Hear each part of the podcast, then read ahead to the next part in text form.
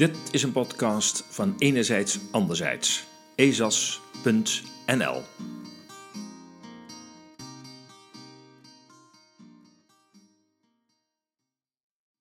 De lange mars naar maart 2020. Niet alleen stapelen de aanwijzingen zich op dat COVID-19 een lang voorbereide crisis is, maar ook steeds meer getuigen van formaat melden zich. In dit artikel geen getuigen, daarover schrijven wij in volgende artikelen. We richten ons op Ulrich Mies, Duitser van afkomst, woonachtig in Nederland, studeerde sociale en politieke wetenschappen en heeft zich intensief verdiept in wat je de lange mars naar maart 2020 zou kunnen noemen. Zijn inzichten hebben wij nog wat verder aangevuld met eigen observaties. De democratische jaren na de Tweede Wereldoorlog. In veel Europese landen ontstond na de Tweede Wereldoorlog het zogenaamde Rijnlandse model, waarbij werknemers via ondernemingsraden en vakorganisaties een flinke vinger in de pap hadden bij bedrijfsaangelegenheden, maar ook bij pensioenfondsen en via de Sociaal-Economische Raad, de SER, ook op het overheidsbeleid. De reden hiervoor was niet zozeer een hoog ethisch besef bij invloedrijke partijen, maar de sluimerende angst voor het communisme. Een te sterk marktdenken zou de werknemers en burgers wel eens kunnen verleiden tot het socialistische gedachtegoed. Ulrich Mies staat niet alleen in zijn observatie dat de vier decennia na de Tweede Wereldoorlog een tijdperk vormde van een gemengde economie, waarbij de machten tussen overheid, werknemers en burgers tamelijk evenwichtig waren verdeeld, de media nog divers waren en de democratie nog redelijk functioneerde. Vanaf de 70 jaren van de vorige eeuw broeide er een nieuwe marktradicale stroming in de VS. Op de Chicago School of Economics broeden Friedrich Hayek en zijn denkpartner Milton Friedman op het openbreken van de samenleving, opdat een totaal regelvrije markt zou kunnen ontstaan. Hun radicale hervormingsstrategie werd indrukwekkend beschreven door de Canadese journalist Naomi Klein in haar omvangrijke werk The Shock Doctrine. Hun eerste experiment ging van start in Chili in 1973, toen daar de socialistische president Salvador Allende in zijn paleis werd vermoord. Publiek geheim is dat de Amerikaanse geheime dienst de economische staatsgreep mogelijk heeft gemaakt. Onder een hardvochtige militaire dictatuur konden Hayek en Friedman hun principes van totale vrijmaking van de markt ongehinderd botvieren. De Jacques Doctrine is een aangrijpend relaas van een bewuste sociaal-economische vernieling van het land. Later zou deze aanpak na de val van de Berlijnse muur worden herhaald in landen als Polen en de uiteengevallen Sovjet-Unie met wisselend succes. Onder leiding van de vaak dronken Russische president Boris Yeltsin werd de voormalige Sovjet-Unie aan de gretige Amerikaanse banken en adviseurs uitgeleverd. Oud-directeuren van staatsbedrijven vervielen in grote corruptie en het stelen van hun staatsbedrijven. Deze types zouden we later leren kennen als oligarchen. Het zou het uit de Sovjet-Unie voortkomende Rusland aan de rand van de afgrond brengen. Het vergde een nieuwe autocratische leider Poetin om de Wildwest-economie te temmen, de pensioenbetalingen weer op gang te brengen en de gangsterpraktijken van afpersing van kleine ondernemers te stoppen en zo weer enigszins normale economische verhoudingen te scheppen. Neoliberalisme land in Europa. Het zou nog tot midden van de tachtige jaren van de vorige eeuw duren voordat de neoliberale golf Europa bereikte. Met regeringsleiders als Lubbers in Nederland, Reagan in de Verenigde Staten, Thatcher in het Verenigd Koninkrijk en Kohl in Duitsland werden de eerste voorzichtige stappen gezet naar het vrijmaken van de markt. De dollar werd ontkoppeld van het goud, zodat de Amerikaanse overheid zonder noemenswaardige beperkingen dollars kon drukken en schulden kon maken. In Nederland werden overheidsbedrijven in private bedrijven omgezet. De eerste was het loodswezen, een klein begin van een lange mars na het volledig ontmantelen van de overheid als publieke dienstverlener. Energie, telecom, openbaar vervoer, Schiphol, delen van de gezondheidszorg, zorgverzekeringen, sociale woningbouw, post en talrijke toezichthoudende organen. Ondertussen gingen gestaag de belastingen op kapitaal omlaag. Kapitaal kon vrij over de grenzen worden verhandeld. De regels voor de banken werden versoepeld. Leningen konden makkelijker worden verstrekt. Met het verdrag van Maastricht in 1991 werd de basis gelegd voor meer centralisering van de macht in Brussel en de introductie van de euro. Een wens van Frankrijk in ruil voor haar akkoord op de hereniging van de beide Duitslanden. En zo gingen in enkele decennia het uithollen van de nationale staten en hun bestuurlijke macht, het centraliseren van economische macht, hand in hand met het ontmantelen van de overheid en de verregaande vorm van privatisering van overheidsdiensten. Overheidsdiensten zijn nu tijdens corona zelfs de handlangers geworden van de grote achterliggende financiële krachten. De economische concentratie ging verder. De media, de kranten, radio, televisie commercialiseerden en kwamen in steeds minder handen. Van onafhankelijke pers kwam steeds minder terecht. De politiek vervlakte geleidelijk, zodat het onderscheid tussen partijen steeds moeilijker te maken was. Concentratie van kapitaal, dus macht. De concentratie van kapitaal is sinds de tachtiger jaren langs verschillende wegen tot stand gebracht. Voortdurende belastingverlaging voor de rijken en de grote corporates als Apple en Google, die slechts tiende van procenten belasting betalen of helemaal niet, zoals beweerd wordt van Amazon. De vrijheid van het verplaatsen van kapitaal maakte de weg vrij om arbeid daar te organiseren, waar de lonen het laagst zijn en de producten daar te verkopen waar ze tegen de hoogste prijzen kunnen worden verkocht. Door de privatisering zijn veel winsten op voormalige overheidsdiensten niet meer bij de gemeenschap terechtgekomen, maar bij de grote concerns. Een andere manier was het opheffen van de koppeling van geld aan de waarde van goud. Het scheppen van geld kwam in handen van private banken die nu vrijwel onbeperkt geld kunnen drukken. Vooral door het verstrekken van leningen zoals hypotheken. De kosten van het maken van geld zijn beperkt, maar de rentewinsten waren enorm. Ook staten staken zich steeds meer in de schulden, waardoor een aanzienlijk deel van de belastingopbrengsten aan rentebetalingen opgingen en nog meer publiek geld naar de particuliere beleggers en banken ging. Tijdens corona vond volgens velen, waaronder Mies, een grote kapitaalroof plaats. Niet eerder zagen corporates beleggingsfondsen zoals BlackRock de rijke filantropen hun kapitaal zo snel toenemen. We kunnen gerust spreken van een explosie aan kapitaaloverdracht van overheden naar private kapitaalhouders.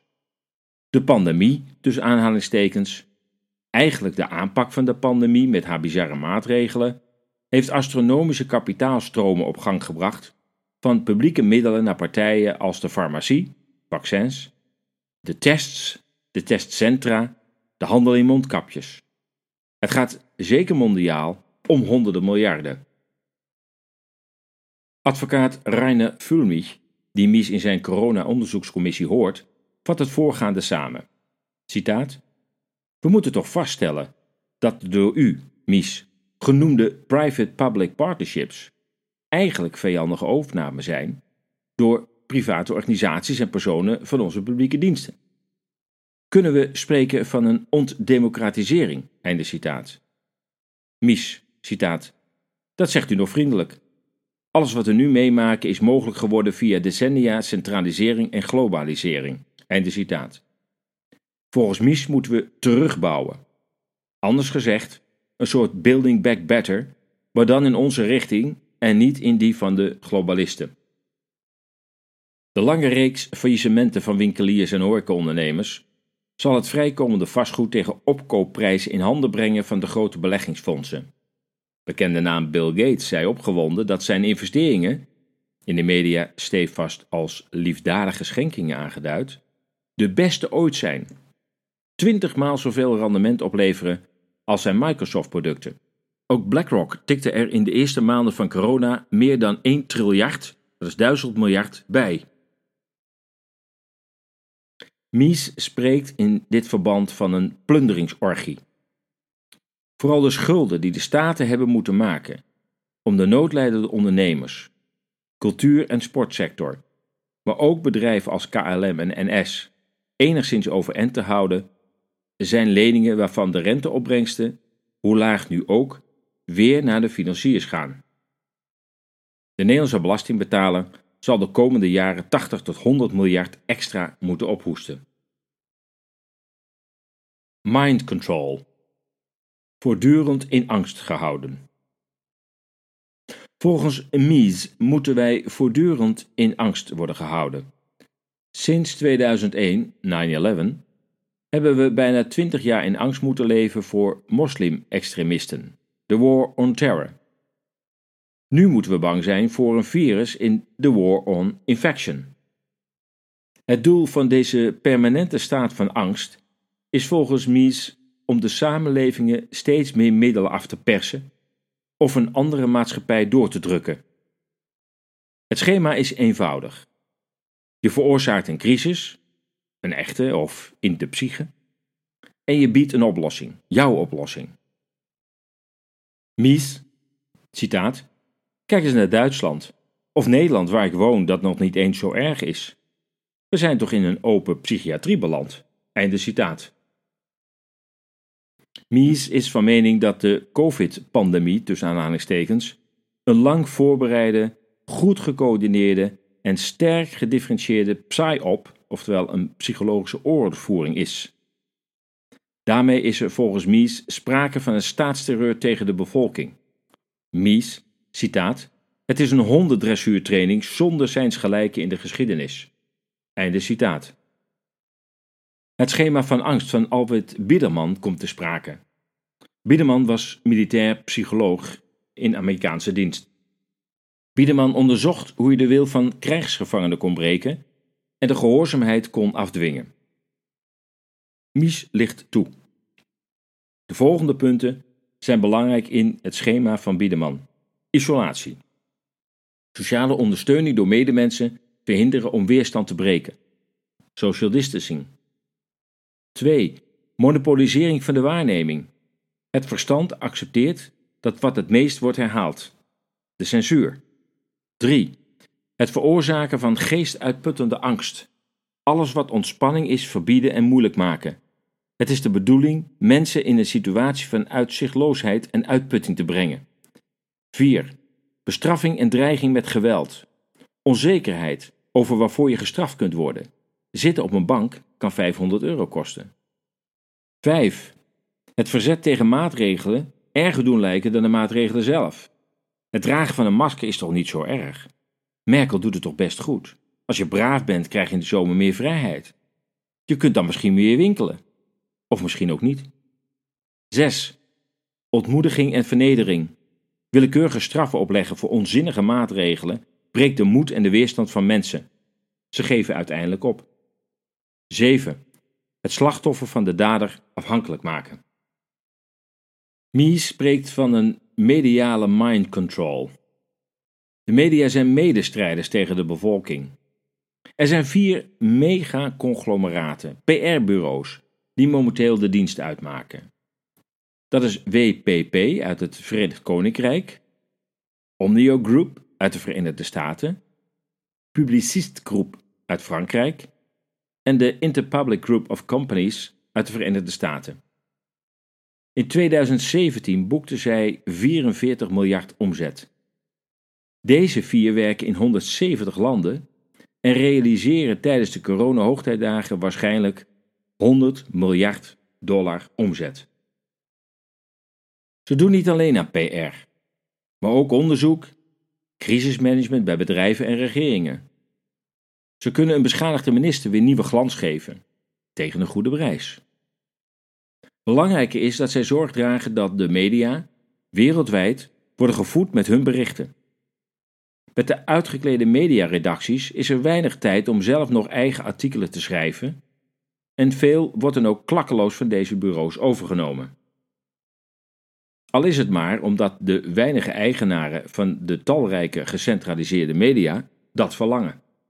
Deze vier bureaus tellen mondiaal bij elkaar zo'n slordige 400.000 medewerkers.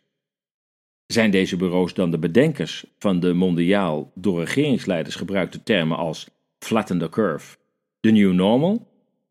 Mies weet het niet. Maar het kan volgens hem niet anders dan dat deze crisis strak gecoördineerd is.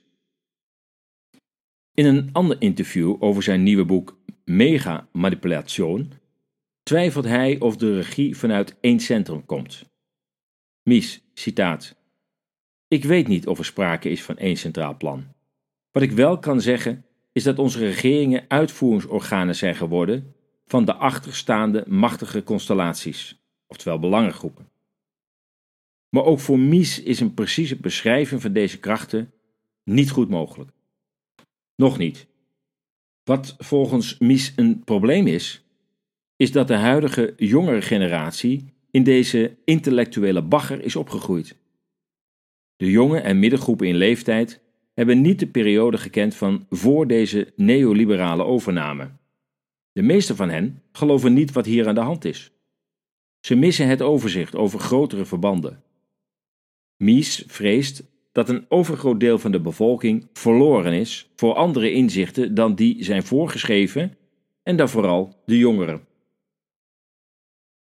Volgens Mies werkt het World Economic Forum samen met regeringen en geheime diensten om de wil van de bevolking te breken, als ook de kleine middenstand af te breken, de cultuursector kapot te maken, de megacensuur op te leggen, anders denkenden in discrediet te brengen, bankrekeningen van critici te laten blokkeren. Het is allemaal onderdeel van het pakket, al dus Mies. Mies verder, citaat, er is gewoon sprake van een oorlogsvoering en alle ingezette methoden en plannen zijn online te vinden. Het is er zoveel dat weinigen de moeite nemen om het allemaal te lezen. Einde citaat. Mies, citaat. Wie zich wil ontkoppelen van de gehirnwäsche, hersenspoeling, moet afstand doen van het kijken, luisteren en lezen van de officiële media. Zelf een boek lezen, eigen online onderzoek doen ik heb al 25 jaar geen televisie meer en ik denk dat ik beter geïnformeerd ben dan de gemiddelde mediagebruiker. Einde citaat. Wel wordt dat steeds moeilijker met alle censuur.